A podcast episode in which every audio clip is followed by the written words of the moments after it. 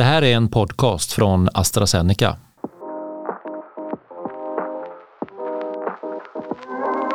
Och du är ju från Anderstorp Ja, det stämmer. och där är ju racing religion, höll jag på att säga. Ja, det var det när jag växte upp. Ja. Det var det verkligen. Alltså, I de eh, kända företagsorterna, eh, Anderstorp, Hillerstorp och Gnosjö som har lite olika fokus. Anderstorp var ju eh, på absoluta världskartan inom motorsport. När Det jag var till och med Formel liten. 1-lopp i... Det var Formel 1-lopp. Ja. Och det är ju ganska fascinerande i de småländska skogarna. Det var Formel 1-lopp, hela världseliten var där. Eh, och det är, en, det, är en tung, eh, det är en tung sport eh, kan man ju säga. Och eh, när man var liten så tänkte man inte så jättemycket på på det, mer än att alltid så hörde man ju träningarna och racingen på motorbanan. Hela bygden är uppvuxen med det och fortfarande tycker jag att det är ett väldigt mysigt ljud. Grymt. Och den stora idolen då var Ronnie Pettersson. Ja, när jag var liten så var det liksom klistermärkena eh, i, i mitt barndomsrum. Eh, de var på Ronny Pettersson. Kanon.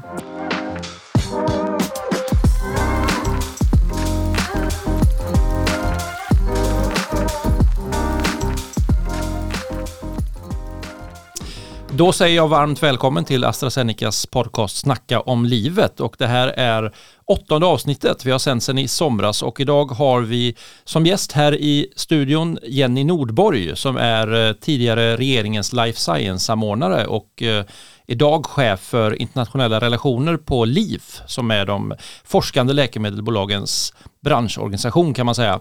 Välkommen Jenny! Tack, det är kul att vara här. Och eh, som vanligt så har vi också Andreas Hedini här, medicinsk chef på AstraZeneca i Norden. Välkommen Andreas! Tack så mycket. Och jag som pratar heter Carl-Johan Karlsson och jag jobbar med kommunikation här på AstraZeneca och eh, producerar det här poddavsnittet gör Viktor Jangentorp.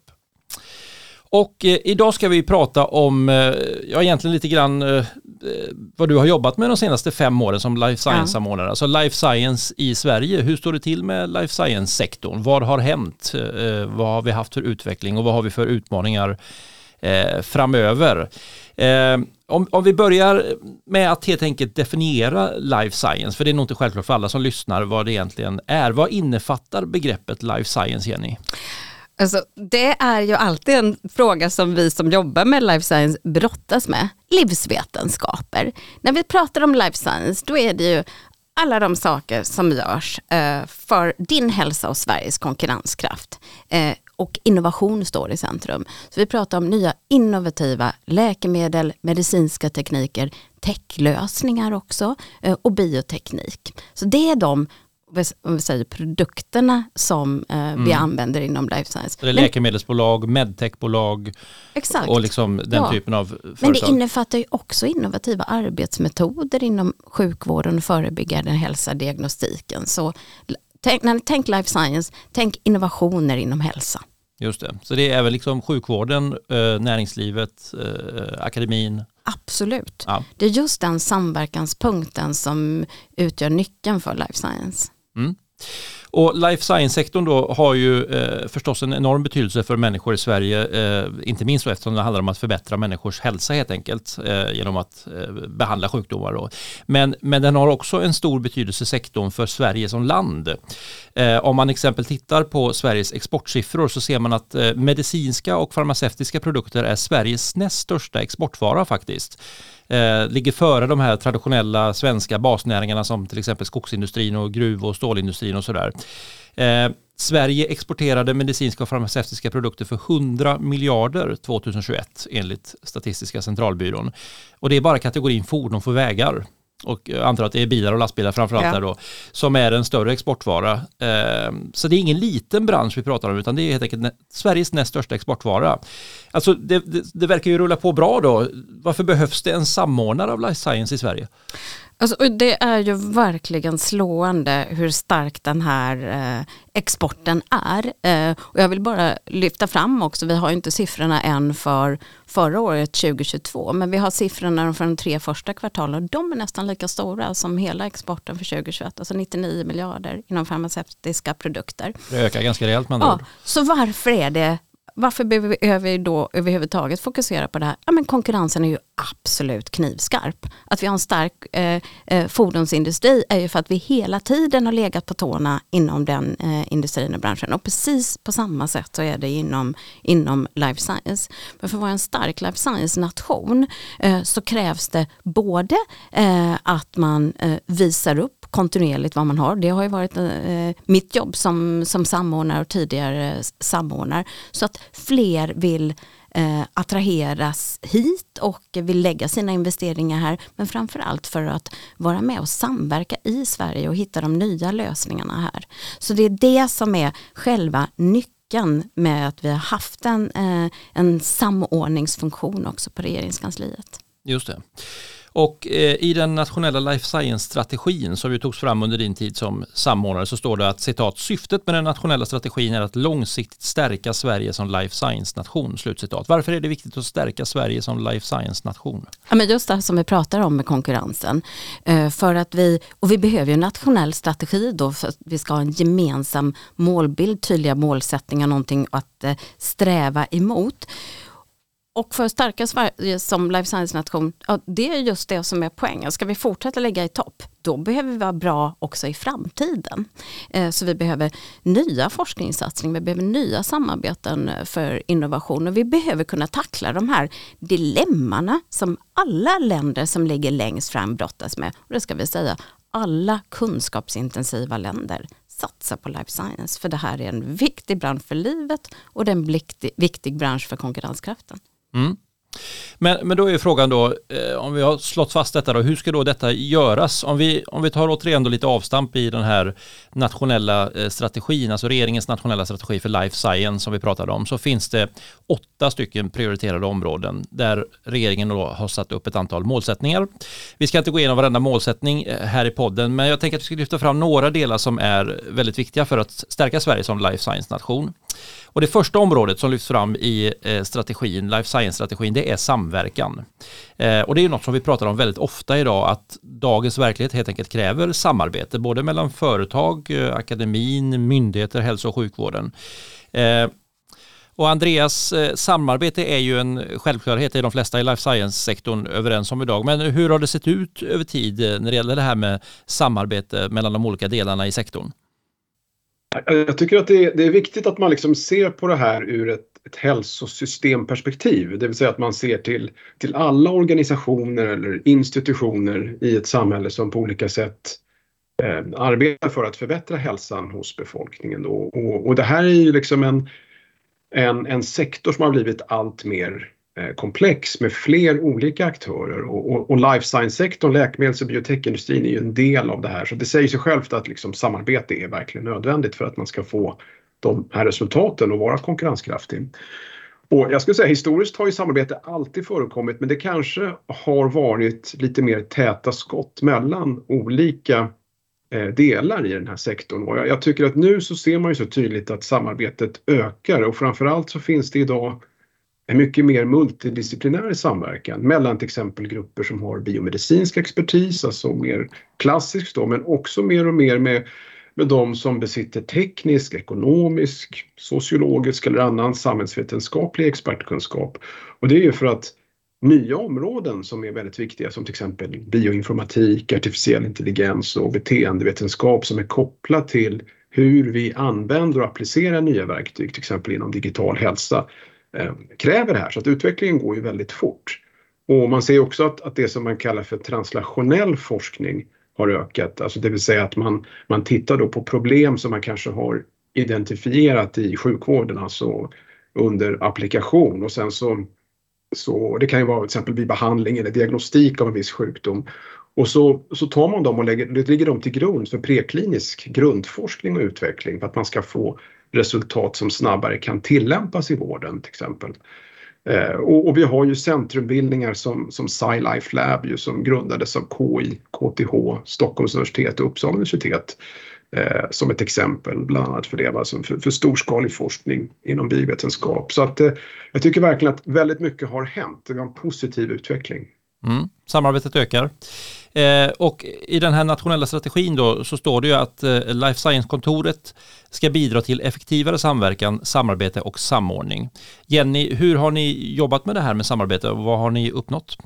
Alltså bara det att vi har tagit fram en nationell strategi var ju ett viktigt verktyg. Vi gjorde verkligen det i dialog med hela sektorn. Det tog lång tid. Först tog vi fram en färdplan snabbt. Men sen arbetade vi länge med förankring just för att hitta vilka är de viktigaste prioriterade målen målsättningarna där vi behöver åstadkomma förändring. För de är ju valda utifrån det. Då lanserade vi också strategin i ett partnerskap med eh, regionerna för att kunna lyfta fram de viktiga prioriteringarna inom precisionsmedicin, individanpassade behandlingar och eh, diagnostik och hälsodata såklart, för det är grunden för mycket av det arbetet som vi har.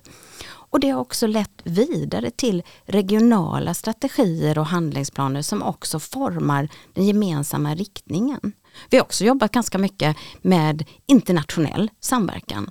Eh, både på det nordiska området, det är jätteviktigt att vi krokar arm med våra nordiska grannländer. Eh, I Europa naturligtvis också med Storbritannien, så vi har ett eh, samförståndsavtal nu med Storbritannien inom life science. Och det är en av de det är några exempel på det som jag vill peka som viktigt och som jag också naturligtvis kommer jobba vidare med i min nya roll på LIF. Mm. Ja, men det låter som att ni verkligen har bidragit till det här med, med, ökat samarbete i sektorn. Och ett konkret sätt att skapa mer samarbete det är ju så kallade life science-kluster där olika aktörer inom life science helt enkelt finns fysiskt på en, på en liten yta.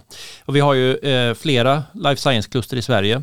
Eh, man kan också prata om både Sverige och Norden som ett life science-kluster i ett internationellt eh, sammanhang. Men eh, just nu här i studion så sitter vi i Hagastan i Stockholm Eh, där vi på AstraZeneca har kontor och flera andra läkemedelsbolag ligger i, i samma lokaler och i närheten och snett över gatan här så har vi Nya Karolinska. Mitt emot bygger man nu Forskaren, ett stort life science-center som ska stå klart i december. Eh, Göteborg eh, där finns ett life science-kluster med eh, förstås AstraZenecas stora forskningsanläggning i centrum. Det är innovationsområdet GoCo Health Innovation City som ligger precis bredvid. Eh, och, eh, det finns i Öresundsregionen finns det något som kallas för Medicon Valley med bland annat stora bolag som Novo Nordisk och Lundbeck. Varför är det viktigt för Sverige, Jenny, att skapa och utveckla de här life science-klustren? Alltså det är helt centralt. Life science-klustren skapar riktig internationell attraktivitet för investeringar.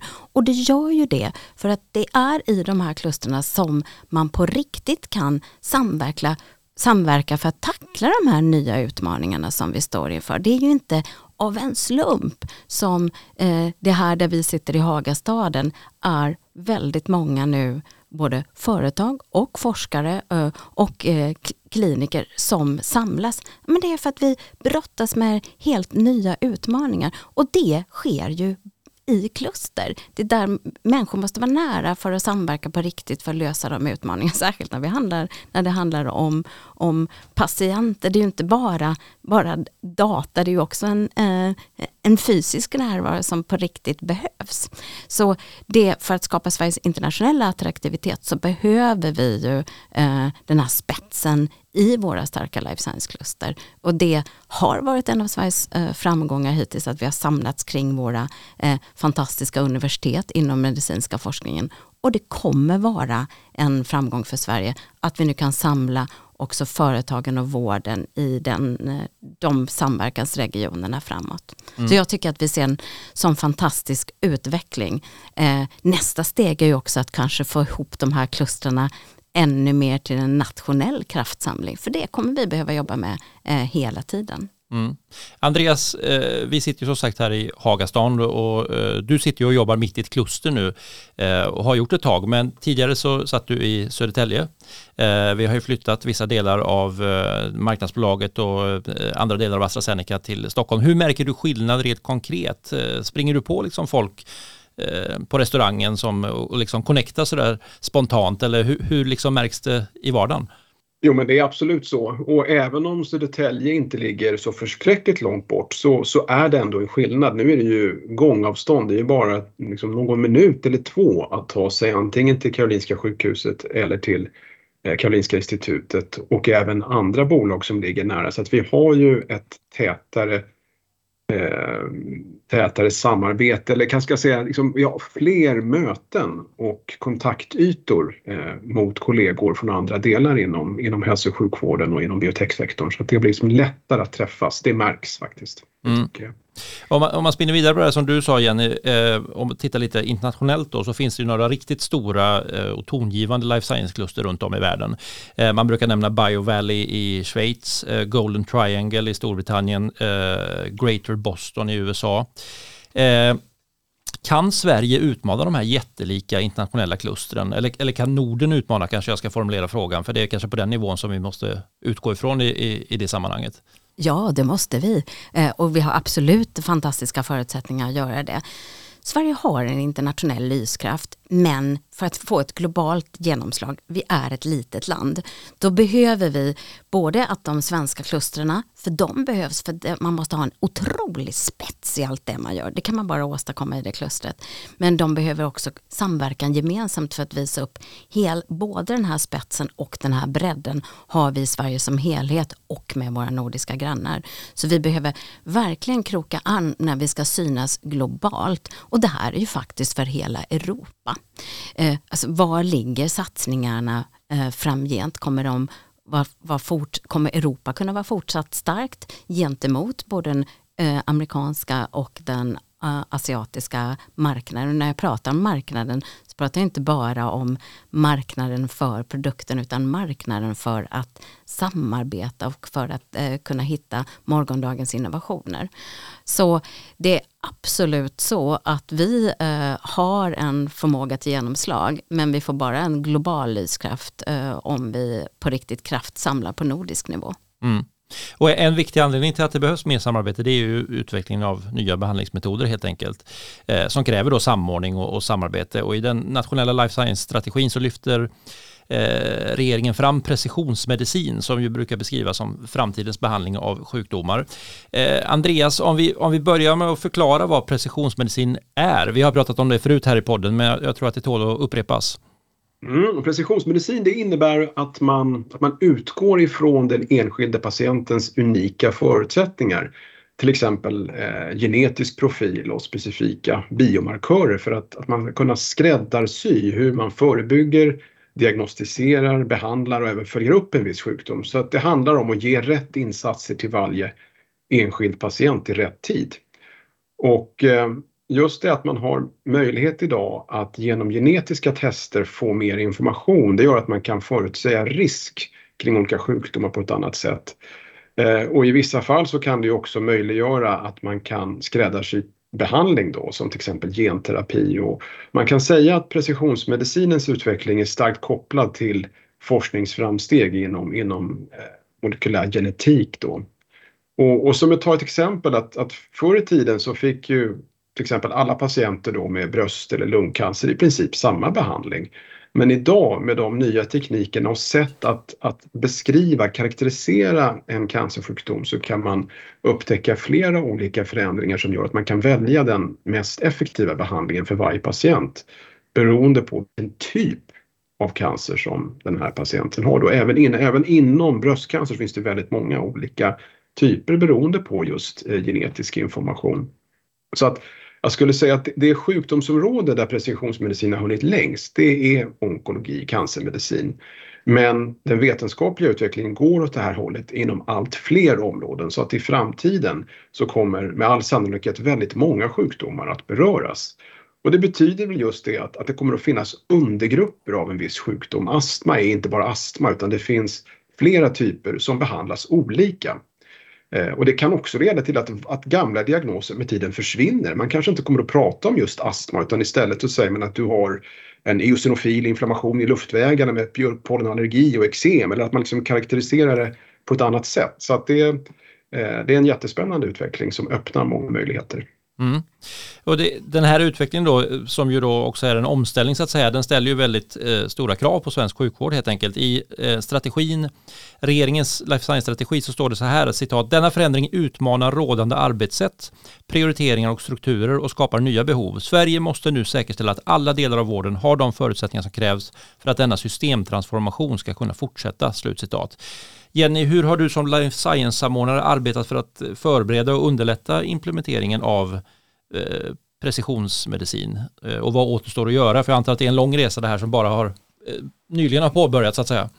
Jag skulle vilja säga att allt återstår, eh, men eh, en reflektion som jag gör när jag hör Andreas fantastiska beskrivning av eh, precisionsmedicin, så slår det mig otroligt mycket som har hänt under de här fem åren som jag har varit samordnare. Och det har ju inte alls naturligtvis berott på, på det och det arbetet, men det har varit en sån förmån att få jobba mitt i den här kärnan av den stora omställningen och skiftet som precisionsmedicin är. För det innebär fantastiska medicinska framsteg.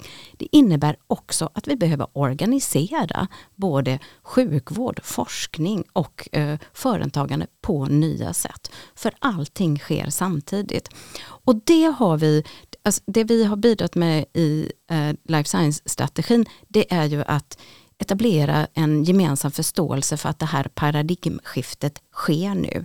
Eh, det innebär att vi behöver kunna arbeta på nya sätt. Det innebär behov av eh, nationella infrastrukturer till exempel för genetisk diagnostik så att eh, alla patienter kan få tillgång till tidig upptäckt av de olika cancerformerna och att man, man kan få hjälp med sin individuella specifika behandling. Och då pratar vi om att kanske det gäller väldigt få individer. Det är också då som vi behöver bygga den här eh, nordiska och europeiska eh, styrkan inom det. Så det har vi, dels att vi har varit med och bidragit till att eh, det kommit finansiering också till de nationella infrastrukturerna inom genomiken. Men också att startat utredningar för hälsodata för att möjliggöra innovation. För det här innebär att vi kan inte bara samla data och sen titta historiskt på hur blev det, utan vi måste använda den hälsodatan, all den tillgång eh, till information som vi har här och nu eh, för att eh, också kunna identifiera nya behandlingsmetoder. Så det är väl några av de delarna som vi har, har bidragit till, men det är framförallt kanske just den här omställningsskiftet och en förståelse för att sjukvårdens organisering behöver också en kulturförändring. Mm. Men, men, finns eh, kompetenserna i tillräckligt hög utsträckning för att göra den här omställningen? Alltså, eller behöver man ställa om eh, läkarutbildning och andra typer av vårdutbildningar? Eh, hur, alltså, Ja, det behöver man verkligen göra och det sker också men det, det är väl kanske också utmanande för det behövs nya professioner. Mm. Eh, både vad det gäller tekniken och behandlingen eh, men också uppföljningen. Mm. Eh, för det är ju inte så att det här är ett arbete som sker inom sjukhusen. Alltså den, den avancerade sjukvården sker ju idag överallt där patienten befinner sig när vi är patienter. Och det är lika mycket i hemmet och i primärvården som det är inom den eh, avancerade specialistsjukvården. Och det är väl också det paradigmskiftet, att vi behöver jobba med eh, de olika delarna. För det här, det här är ju svårt. Det här brottas alla länder och alla eh, kunskapssystem med. Och det här tror jag också kan vara en av Sveriges stora konkurrensfördelar framåt, att vi också har en förmåga att kunna arbeta med den här typen av eh, kompetensutveckling och den här typen av kompetensskiften som det här innebär. Andreas, du som har jobbat inom vården, vilka utmaningar ser du i eh, implementeringen av precisionsmedicin?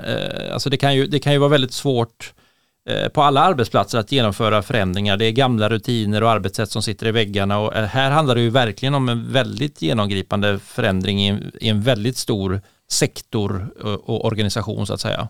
Just det, jag håller helt med om det som, som Jenny just sa här. När man, när man pratar om precisionsmedicin så låter det ju väldigt attraktivt och det är attraktivt. Eh, men det innebär ju, precis som Jenny var inne på, ett ökat behov av diagnostiska utredningar som vår nuvarande hälso och sjukvård inte är designad för. Och om vi, om vi åter tittar på vår patient med astma som idag behandlas på ett ganska enkelt sätt, det vill säga man gör en, en förhållandevis enkel utredning och så påbörjar man behandling som vidgar luftvägarna och eller dämpar inflammationen.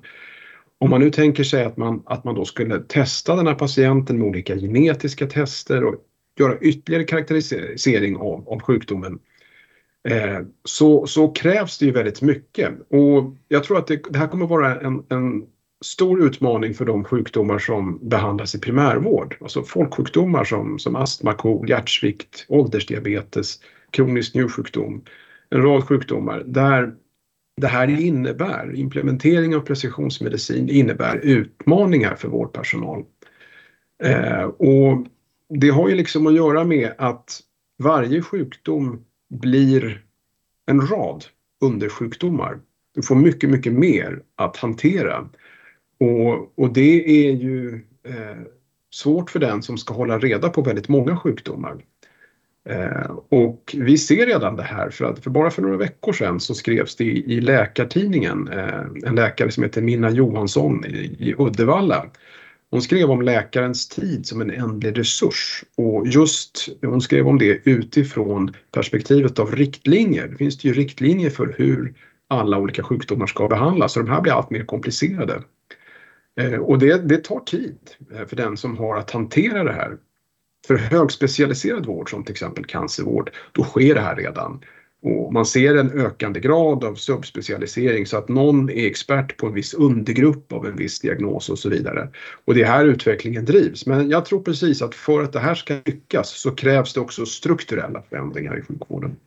Men det blir helt enkelt så att det blir liksom ett ytterligare steg då, att när någon kommer in eh, för att undersökas för, eh, för misstänkt astma säger vi, så är det inte bara liksom att du kanske har astma, utan då gäller det att ta reda på vad är det som orsakar den här astman i, i genetiken helt enkelt och, och till och med kanske gå in och eh, behandla själva orsaken då. Tolkar jag det rätt då? Ja, redan idag så är det ju så att, att, astma är inte längre bara astma utan det finns olika undergrupper. Men om man drar ut det här i förlängningen och tänker att man ska karaktärisera patienter ytterligare genetiskt.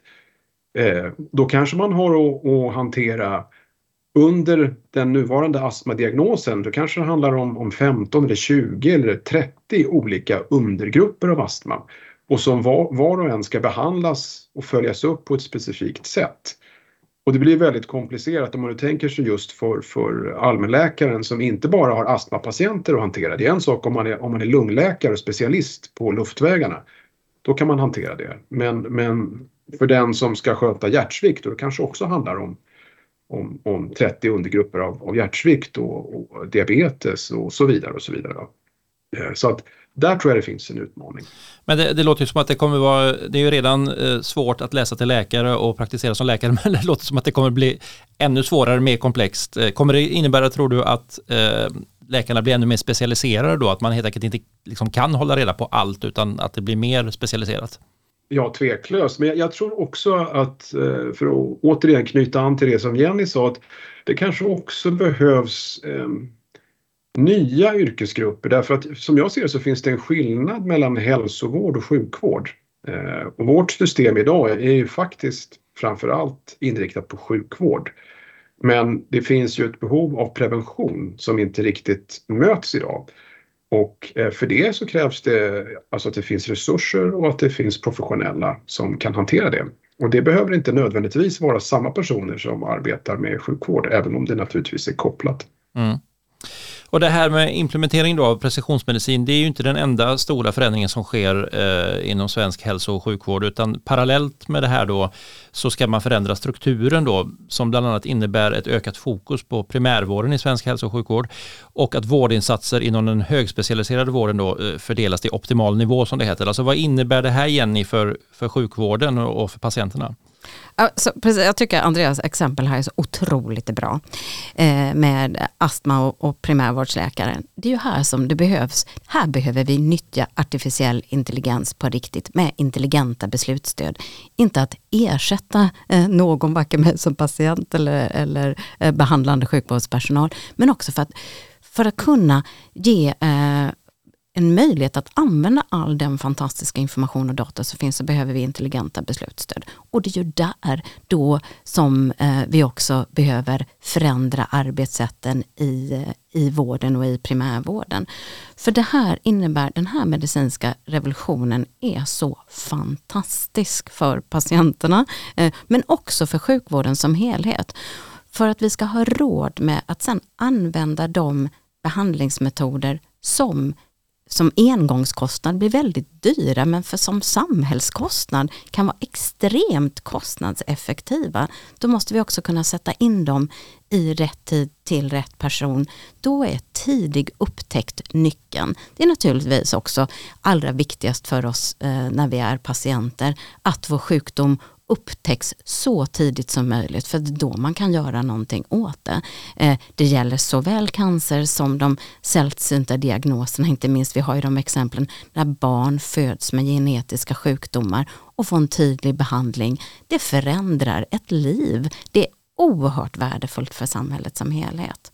Så eh, det här är ju några delar men det, är också, det sätter också gärna möjligheter till patienten men sätter också krav på samhället att här så behöver patientens kunskap och medverkan komma in på nya sätt. Och det här är en utmaning för oss som välfärdsnation. Att kunna acceptera patienter för all den kunskap som de har och ge stöd till att alla kan vara med och dela den på samma sätt så att vi inte bygger in ännu större ojämlikheter i den här kunskapsbasen. Mm. Om vi lyfter lite blicken igen så att säga och pratar om eh, eh sektorn som helhet. Eh, och prata lite om det här med kompetensförsörjning, för det är också en del som eh, regeringen tar upp i den life science-strategi som du har varit med och tagit fram. Eh, att man helt enkelt måste locka då talanger, både svenska och internationella eh, talanger till, till svensk life science. Hur kan staten hjälpa till att svensk life science lockar de, de vassaste hjärnorna? Och det är ganska enkelt, det är att fortsätta tunga satsningar på forskning och innovation faktiskt attraktiva villkor är jätteviktigt. Vi kan gå in på de exemplen också. Men det som framför allt lockar talanger det är att man får jobba i forskning och innovationsmiljöns absoluta framkant med alla andra som också är bäst på det. Det behöver naturligtvis prata om fysiska miljöer men att kunna vara en del av de digitala miljöerna. Och då är det partnerskap mellan både staten, eh, näringslivet, det offentliga som möjliggör investeringar som, eh, där forskningen ligger i absolut framkant och där man direkt kan kunna se effekterna av det. Eh, Andreas tog tidigt upp eh, SciLife Lab som har medel både från, från eh, staten och från eh, det privata filantropiska eh, kapitalet som Wallenbergstiftelsen satsar i det.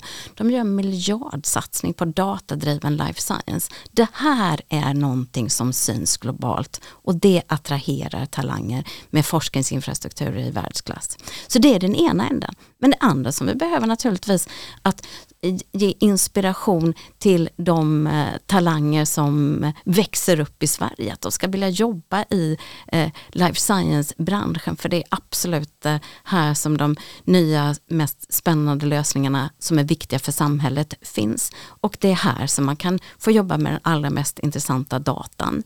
Så det behöver vi, vi behöver också visa unga människor som är i början på sin bana, kanske vill komma in på naturvetenskapen, otroligt spännande Eh, och vilken, och vilken otrolig samhällspåverkan som man har. Men också senare i livet naturligtvis. Eh, och det är ju någonting som, som staten satsar på nu med omställningsstöd. Eh, så det finns möjligheter för individer både att hänga med och att skifta fokus.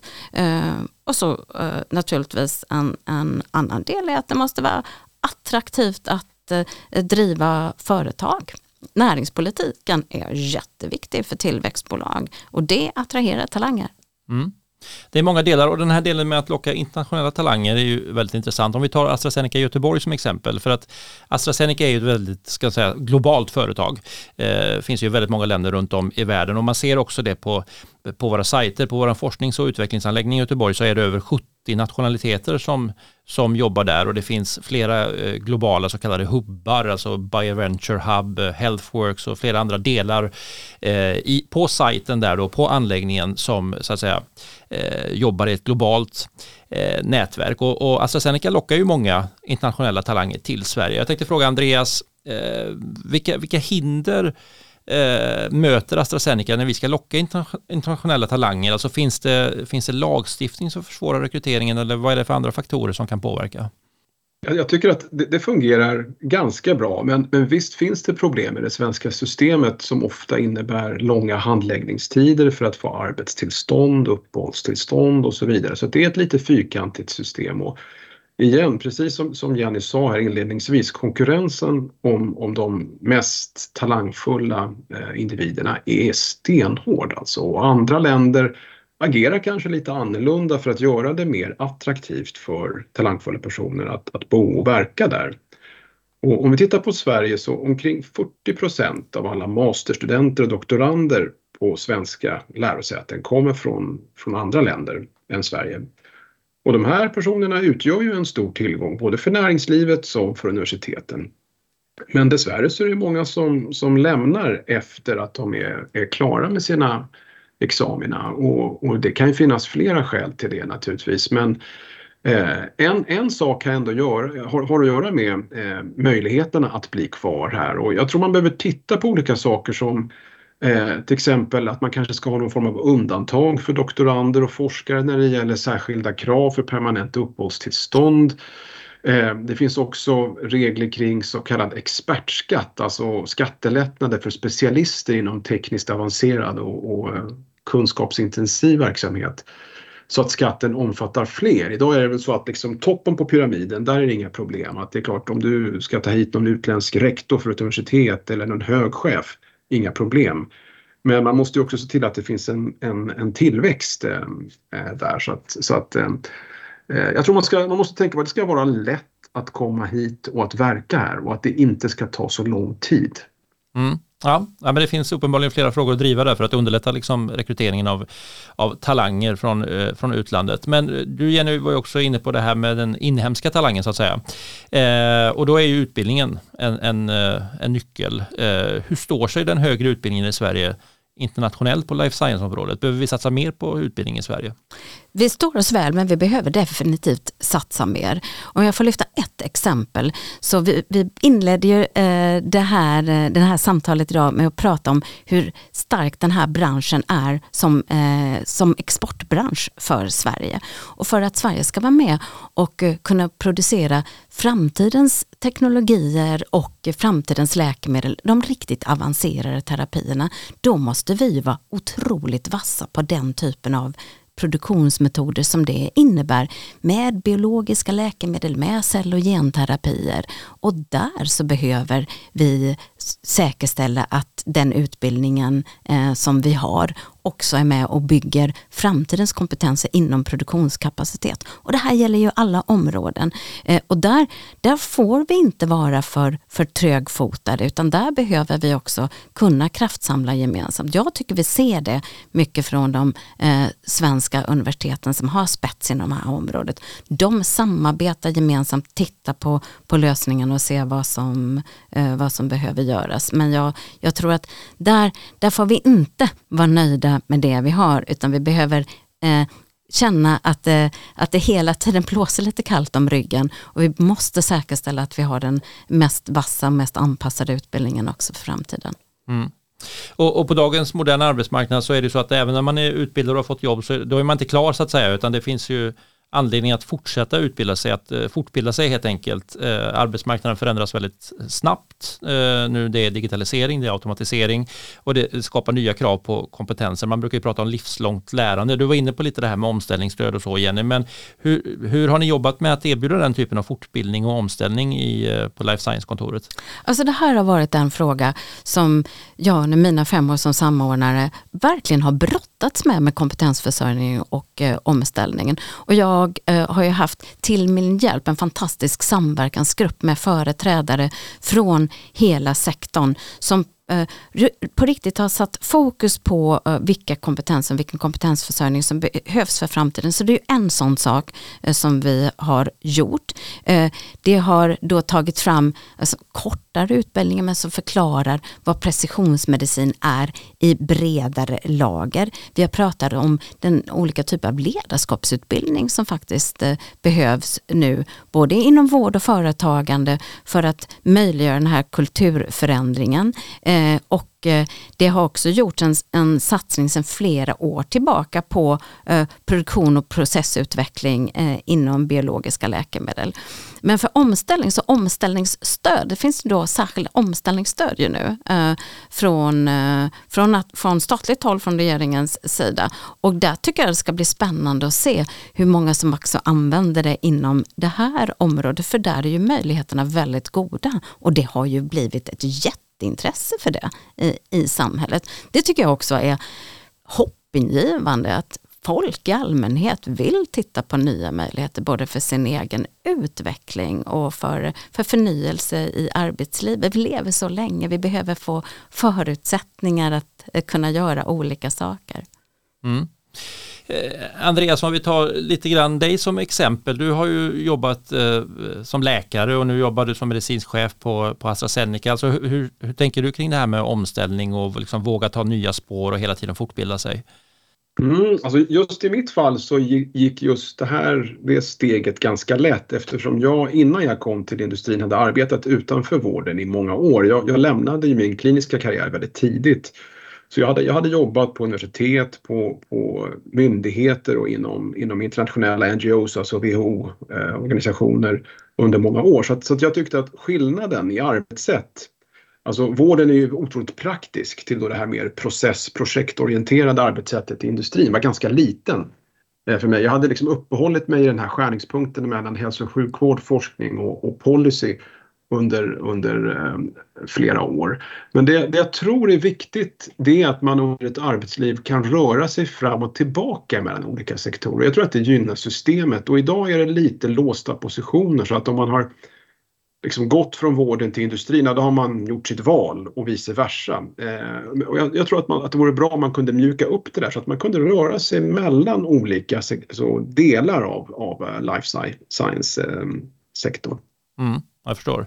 Och du, du nämnde forskning där, att du har jobbat med forskning och det, det här är också en otroligt viktig del av hela eh, life science-strategin som regeringen tog fram, eh, att eh, helt enkelt eh, underlätta för forskning i, i Sverige. Det är ett av de här prioriterade områden som strategin pekar ut. Eh, eh, om jag tar en bred fråga först, Jenny, hur har ni jobbat på Life Science-kontoret för att eh, mer forskning helt enkelt ska äga rum i Sverige? Ja, alltså allting börjar och slutar med forskningen för att vara en stark life science-nation.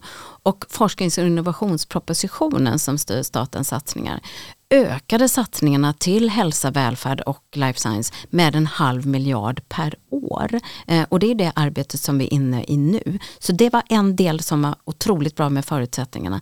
Dessutom så ökade satsningarna på forskningsinfrastrukturer med en miljard per år. Och det sammantaget bygger ju vår styrka inom eh, forskning inom life science. Men sen så är det här otroligt viktigt att, att forskning inte bara bygger infrastrukturer utan att forskning och innovation sker samtidigt i excellenscentra. Så några av de delar som ligger i forsknings och innovationspropositionen är, handlar också om Vinnovas lång, långsiktiga samverkansinsatser där man kan jobba tillsammans i centrumbildningar i excellenscentren som är tioåriga eh, för att eh, där också fler ska kunna vara med och jobba tillsammans. Både de eh, större företagen naturligtvis men där också mindre företag kan vara med och jobba i forskningens absoluta framkant men samtidigt finna nya innovativa lösningar för marknaden. Mm. Om, om, vi eh, fokuserar lite grann på eh, en viss typ av forskning, då, så kallad klinisk forskning, det vill säga forskning som sker inom eh, vården. Eh, då har vi kliniska studier då, där man testar potentiella läkemedel på försökspersoner och det är ju en förutsättning för att få fram eh, nya läkemedel. Eh, vad ser du för stora fördelar med att fler kliniska studier sker i Sverige och hur har ni jobbat med det på eh, Life Science-kontoret? Vi har verkligen satt fokus på att den trenden som har varit med de företagssponsrade kliniska prövningarna som vi har sett en nedgång kring under, ja säkert det senaste decenniet, den trenden måste vända. För att om vi inte gör kliniska prövning, alltså utveckla nya läkemedel i den svenska hälso och sjukvården, då är vi inte heller med och får tillgång till de mest eh, eh avancerade lösningarna.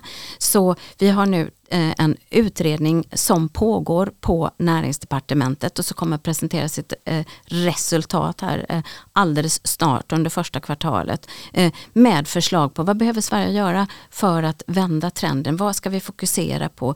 Vilka är de, de delarna som man ser? Och jag tror att det kommer handla om mycket om hur attraherar vi de riktigt avancerade terapierna? För det är också det som spelar så stor roll för, för patienterna. Det här handlar ju ofta om att få möjlighet till att få en behandling när allting som finns på marknaden idag är lite utprövat.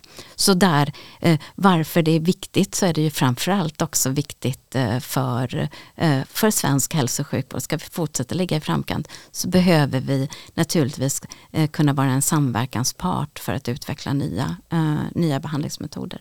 Mm. Det handlar alltså dels om att patienterna helt enkelt ska få tillgång till Absolut. nya metoder och Absolut. att svensk hälso och sjukvård ska, ska få den kunskap eh, som det innebär att liksom ligga i framkant med, med studier. Ja, och att för, de företag som utvecklar de här eh, nya behandlingsmetoderna, för de här studierna, mm. de görs oavsett om, om vi vill att de ska göras i Sverige eller inte. Eh, men vi vill ju att de ska göra det här, för det bygger ju också, det blir tidiga lanseringsmarknader, det här man kommer in, det sen här man gör nya samverkansinsatser. Vi pratat mycket om precisionsmedicin och då sker ju den här forskningen, innovationen, prövningen, utveckling och även produktionen eh, av det här läkemedlet samtidigt på samma plats. Mm. Jag bara sticker in lite parenteser, du nämnde näringsdepartementet och eh, politiken kan ju vara väldigt eh, komplex eh, och du fick väl bolla liksom flera departement, eh, tre olika departement Ja, i min, i min roll som nationell samordnare så ledde jag ju också uh, Life Science-kontorets arbete. Uh, och det är det som uh, var bygget helt och hållet med den svenska life science-strategin att den eh, innefattar både eh, näringspolitiken, socialpolitiken och forskningspolitiken. Så det var alla de tre departementen som arbetar tillsammans och det gör man ju naturligtvis också framgent inom life science-kontoret. Så det är en mm. innovation i sig att vi har den typen av tvärsgående strukturer inom regeringskansliet som också bygger styrka för framtiden. Men var det svårt att liksom, uh, ha tre olika departement som du... Uh... Nej, det var en nödvändig förutsättning. Ja. För life science är inte en fråga för, för ett departement. Det är så att eh, utmaningen kanske ligger inom eh, näringslivssidan. Eh, förutsättningarna ligger på forskningssidan och lösningar idag ligger på hälso och sjukvårdssidan. Så det är därför som vi har det samverkansarbetet eh, och det är därför det är så viktigt med Life Science-kontorets arbete och att vi har en nationell strategi att samlas kring. Mm. Om vi fortsätter att prata lite grann om kliniska studier då. Eh, Andreas, du har ju jobbat en del med kliniska studier på AstraZeneca. Har Sverige, tycker du, bra förutsättningar för att locka till sig fler studier, eh, fler kliniska studier och, vilka utmaningar eller vilka hinder eh, ser du som det finns som, som det måste hanteras helt enkelt om vi ska locka hit fler studier? Ja, det här är ju ett, ett jätteviktigt område för oss och jag tycker förutsättningarna finns absolut, men vi har en hel del eh, arbete som återstår. Och eh, eh antalet kliniska prövningar har ju haft en nedåtgående trend i Sverige under en längre period. Och om vi tittar på situationen så finns det flera bakomliggande orsaker tycker jag. Det första som jag vill ta upp är, är, kanske just resurser för kliniska studier i vården. Vården idag är under en enormt stor belastning och man, man ser en avsaknad av forskningssjuksköterskor och annan administrativ personal. Och incitamenten för läkemedelsforskning har ju minskat och på flera större kliniker så, så ehm, Eh, har industrisponsrad forskning prioriterats ned till förmån för ren akademisk forskning. Och, och jag tror att också många läkare kämpar för att hålla näsan eh, ovanför vattenytan och har inte utrymme för att engagera sig i forskningsprojekt, även på stora universitetskliniker. Och det behöver bli tydligare att forskningen är en del av vårdens uppdrag. Det skulle liksom behöva vara en del av regionernas regleringsbrev till sjukhus och, och primärvård, alltså med ännu större tydlighet än vad som är fallet idag. Mm. Den andra delen är väl att det, att det krävs bättre koordinering och samverkan. Sverige är ju förhållandevis decentraliserat då med, med sina 21 regioner och de äger ganska stort självbestämmande. Och här skulle man behöva samverka på ett mer strategiskt sätt och se till att man ser till hela landet och inte låta olika journalsystem och, och kanske i vissa fall en viss tävlan mellan olika regioner ställa till det. Eh, och jag tror också precis som Jenny var inne på inledningsvis här att, att det behövs mer nordisk samordning eftersom våra länder är relativt små. Och vi har ju att konkurrera mot resten av världen och många stora länder som har möjlighet att rekrytera helt andra volymer av, av patienter och kanske kan göra det snabbare. Men vi har en möjlighet att leverera väldigt hög kvalitet. Och de nordiska länderna har ju mycket mer gemensamt än vad som skiljer oss åt, även om det naturligtvis finns skillnader. Och, och jag tror att vi skulle kunna positionera vår del av världen som ett mycket eh, attraktivt område för kliniska prövningar. Och, och, och igen, alltså, vi har alla förutsättningar att vara ledande här. Vi har starka akademiska centra, vi har läkemedelsindustri, industri, vi har ett, ett högklassigt sjukvårdssystem. Och dessutom så har vi fördelar genom eh, själva infrastrukturen, våra register, elektroniska journalsystem och personnummer som gör att man kan följa patienter genom hela vårdkedjan. Det är som ett stort pussel, alla bitarna finns på plats men vi måste bara lägga det. Och avslutningsvis så vill jag väl säga att jag tycker att man kanske ska se det här att om man är patient så är det faktiskt en rättighet att få information om och ta ställning till deltagande i kliniska studier och så är det inte alltid idag. Mm. Om vi, om vi fortsätter lite på forskningsspåret då, så en annan viktig faktor för att öka life science-forskningen i Sverige det är tillgången och hanteringen av hälsodata. Du var inne på det lite grann innan eh, Jenny. Eh, men vi, vi börjar med lite eh, bara, Andreas, vad är detta egentligen? Vad är hälsodata för något och hur används den? Hälsodata är ju eh, information som, som berör en individ eller, eller en grupps hälsa. Och det kan vara allt från, från liksom, eh, väderdata till personliga mätningar, uppskattningar. Det kan vara eh, ett, ett mätvärde kan vara blodtryck eller kroppstemperatur eller eh, en uppskattning av hur, hur, trött man är. Och vi genererar ju enorma mängder hälsodata idag i och med digitaliseringen. Alla våra kontakter med sjukvården registreras och lagras i elektroniska journalsystem och register och så vidare. Men inte bara det utan även olika appar och klockor och sensorer som vi använder privat genererar ju också hälsodata. Och de här data är ju av jättestort värde om de analyseras på ett bra sätt. Eh, både för liksom en enskild person, patient eh, och, för att undersöka trender och samband i befolkningen vad gäller hälsa. Eh, och i läkemedelsindustrin så använder vi de här data för att studera till exempel förekomsten av en viss sjukdom i befolkningen eller trender Eh, effekten av interventioner i verkliga livet, det vill säga det som man kallar för real world data eller real world studies. Eh, eh, där man helt enkelt ser vad som händer om man, om man till exempel börjar använda ett läkemedel i verkliga livet. Det skiljer ju sig för den, den här liksom kontrollerade miljön som man har när man gör en klinisk prövning. Men då kan man också följa det på ett annat sätt då genom hälsodata. Så mm. det är en väldigt viktig källa. Men det, det, låter ju som ännu ett pussel här där, där, det finns väldigt mycket pusselbitar helt enkelt och där man borde lägga pusslet. Alltså, vi, vilka hinder idag ser du Andreas för att använda den här hälsodatan på ett sätt då, som skulle gynna forskningen och i slutändan patienter? Jo, men det, det, är, alltså det är väldigt viktigt då med, med liksom, eh, patientens integritet och datasäkerhet här och det finns en del legala hinder för att koppla samman befintliga data från olika register. Eh, man kan till exempel inte söka och kontakta patienter baserat på uppgifter i, i journaler eller register. Det kan endast göras av den behandlande läkaren. Och syftet här är ju att skydda individen. Eh, men, men eh, det här liksom är hur man har tolkat den här lagen och jag, jag, tror att man skulle behöva titta närmare på det juridiskt och hur man skulle kunna komma runt det. Sen en annan stor fråga i Sverige är ju harmonisering av data från olika journalsystem så att man kan eh, utnyttja rikstäckande data till fullo. Eh, och i förlängningen så finns det naturligtvis en önskan att kunna utnyttja eh, data mellan de nordiska länderna. Om vi börjar med Sverige så tror jag att det, där finns det liksom mycket att, att göra eftersom att vi har flera olika journalsystem i, i samma land. Mm. Jenny, hur har ni jobbat med det här med hälsodata på Life Science-kontoret?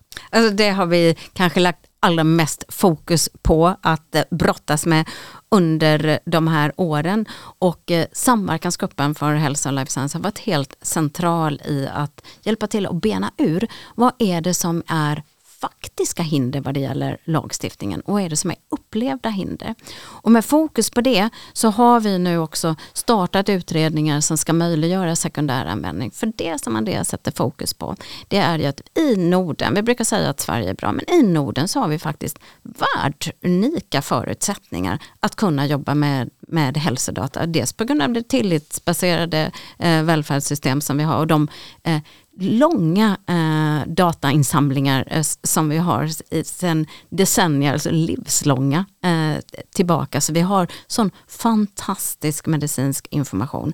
Men våra nordiska grannar ligger för oss.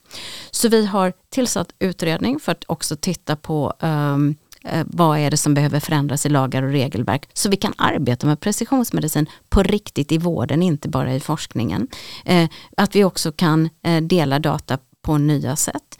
Eh, men vi behöver jobba mer utifrån att bygga de eh, nationella hälsodatainfrastrukturerna. Där har jag ställer faktiskt stora förhoppningar till regeringen nu för man sätter verkligen fokus på att det här är viktigt. Eh, nationell hälsodatainfrastruktur främjar innovation. Det är också en bärande del i reformagendan för ett stärkt life science Sverige. Och vi har de europeiska processerna med det europeiska hälsodatautrymmet där man inom EU tittar på vad är det vi faktiskt behöver för infrastrukturer som behöver finnas överallt för att vi ska kunna ha ett hållbart system i Europa. Det ser jag, det, och det har också varit en av drivkrafterna i, för mig i min, att, i min nya roll eh, nu som internationell chef på LIF, att kunna få jobba med att koppla ihop de europeiska processerna eh, som är så viktiga för life science med det som händer i Sverige.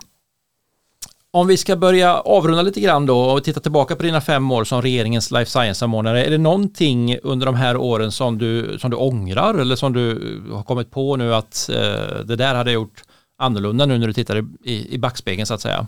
Det är svårt att säga att jag, eh, att jag ångrar det för jag är faktiskt väldigt stolt över det arbetet som vi har åstadkommit och fått till den kraftsamlingen.